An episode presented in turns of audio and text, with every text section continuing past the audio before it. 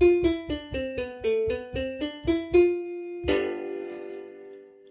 derude, og velkommen til Regnbuefamilien. Jeg er Puja Farhani. Og jeg er Daniel Siegen. Velkommen til episode 32. Regnbuefamilien er en helt almindelig anderledes familie.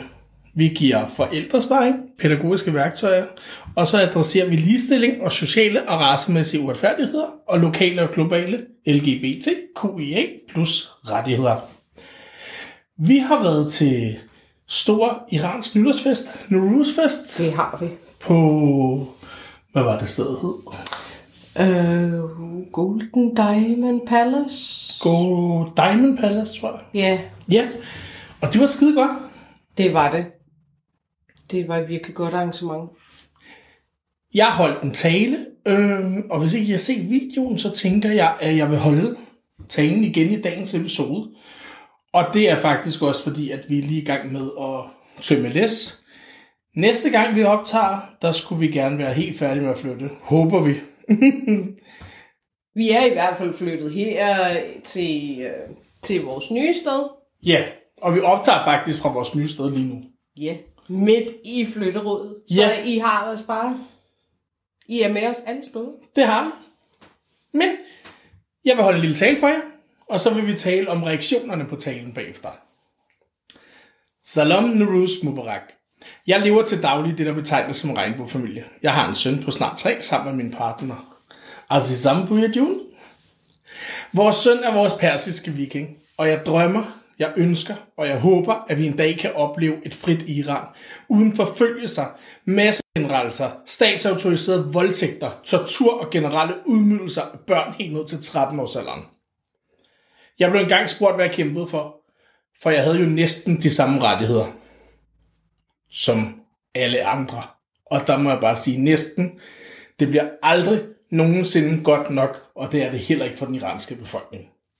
14. september 2022 blev 22-årige Jinnah Massar Amini arresteret, fordi hun ikke havde sin hijab siddende korrekt. Eller siddende som moralpolitiet ønskede det. 16. september afgik Jinnah Massar Amini ved døden. På 30 dage var der mere end 300 millioner tweets om urolighederne. Det startede som en protest, og det udviklede sig til en revolution, og det gjorde det, fordi de fuckede med den forkerte generation. Det var det absurde kønsapartheid-regime, som startede den iranske frihedskamp. Jeg omtaler det som en frihedskamp, for Sam Zendegi også, og de er meget mere end en kvindekamp for mig. Jeg ser det ikke som en ren kvindekamp, jeg ser det som den iranske frihedskamp. Og det er en kamp for et frit Iran med plads til diversitet. Med plads til at kunne tale med, hvem man vil. Med plads til at kunne danse med, hvem man vil. Og med plads til at kunne elske, hvem man vil. Men jeg vil tage lidt længere tilbage, for forfølgelse af folkedrab har været hverdag for kvinder og LGBTQIA plus personer i 44 år. I februar 1978 havde Iran sit første og eneste homoseksuelle bryllup, som var en ren kærlighedsfest. Det var en kærlighedsceremoni mellem to mænd, der var medlemmer af Parlavi-familien repræsenteret, og dronningfar Diba sendte sin personlige lykkeønskning til det lykkelige par. Dette fandt sted 10 år før Danmark gjorde registreret partnerskab lovligt, og Danmark var et forgangsland på det her tidspunkt. Så langt fremme var Iran. Men igen, Cyrus the Great grundlagde de første menneskerettigheder for mere end 2500 år siden. Der findes stadig ni lande, der officielt har dødsstraf for homoseksualitet. Det gør der ikke mere. Nu findes der faktisk 10, for Uganda vedtog ved lov i sidste uge, at det var ulovligt, eller at man kunne blive henrettet som homoseksuel. Det er en forkert retning. Så nu er der 10 lande, som officielt dræber dig, hvis du elsker en af samme køn. Det er kun de 10 lande, som officielt står ved, at de er skyld i helvede på jord. 6.000 homoseksuelle mænd har det iranske redselsregime dræbt siden revolutionen i 1979. Tak for det, Jimmy Carter. Transpersoner. Iran anser officielt transpersoner for syge, og derfor får de statslige tilskud og lån til hormonbehandlinger. Iran er det land, som foretager anden flest kønsskiftoperationer i verden på mænd. Men det lyder jo alt sammen meget godt. Men det er desværre et valg, mange gør for at slippe for dødsstraf. Så du må vælge at blive kvinde og registreret psykisk syg, hvilket gør, at du i samme omfang fraskriver dig alle dine rettigheder som menneske. Dødsstraf kan være stening på store stadioner. Yep. I 2023 er det stadig en måde at udføre stri- stri- at udføre dødsstraf på. Men så får man også lov til at kigge på. Ja. Hængning fra graner, hængning fra lygtepæle og tortur med døden til følge. Iran opfandt også en metode, hvor man kunne lime anusåbningen sammen for at give de homoseksuelle mænd absurd store mængder afføringsmiddel. Så dør det til sidst af kramper og indre blødninger. Igen, mere end 6.000 henrettede LGBTQIA plus personer på 44 år. Nowruz betyder ny dag. En ny dag er en ny begyndelse, og i år var det mere symbolsk end så mange gange før. Dagen efter sidste Badar runder vi 200 dage, den 200 dag af den iranske frihedskamp. Og det gør vi, fordi de slår søstre ihjel, døtre ihjel, mødre ihjel, brødre ihjel, sønner ihjel og fædre ihjel. De slår alle ihjel, som ikke underkaster sig redselsregimet. Og nu nok nok. Vi er på den rigtige side af historien, og vi tager gerne 200 dage mere. Det er tid til et regimeskifte i Iran, det er tid til et demokrati i Iran, og det er tid til et frit Iran med frihed for alle kvinder, LGBTQIA plus personer og resten af den iranske befolkning. Tak fordi I lyttede. Merci. Den holdt jeg, Den var så fantastisk. og nu var der jo ikke klapsalver her. Jo, der var. Men... Du klar, ja til sidst.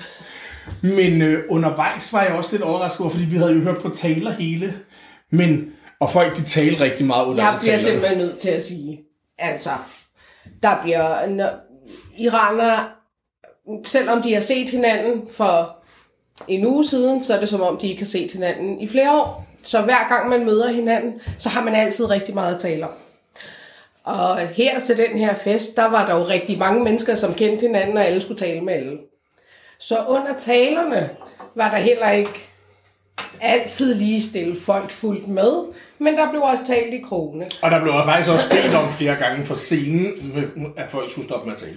Og da Danny gik på scenen og startede sin tale, så var der småsnak, det kunne man høre.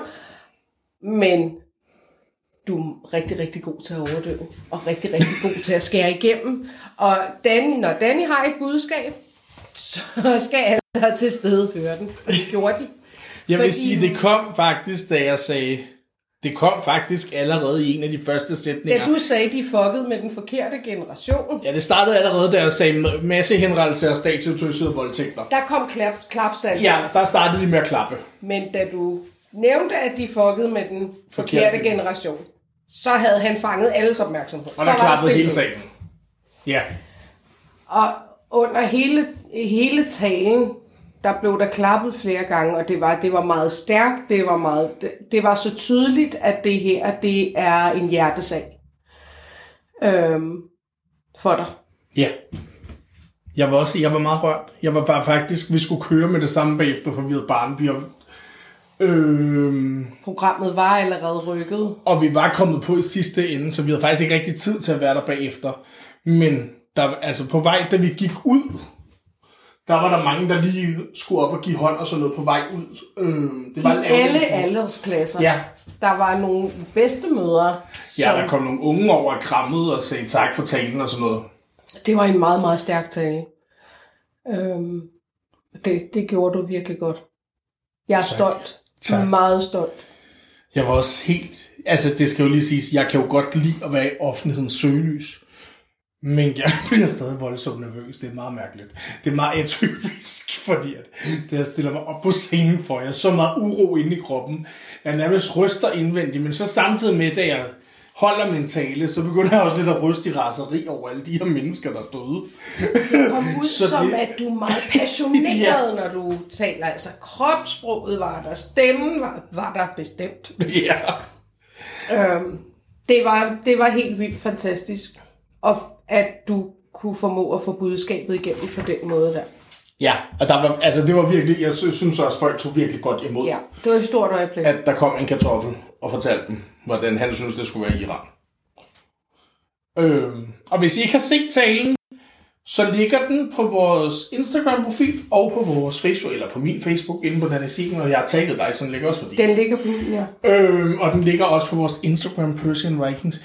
Men det er faktisk, hvad vi har til jer i dag. Og så vil Ja. vi fortsætte med at flytte videre. Tak fordi I lyttede med. Pas på jer selv og hinanden. Vi lyttes ved.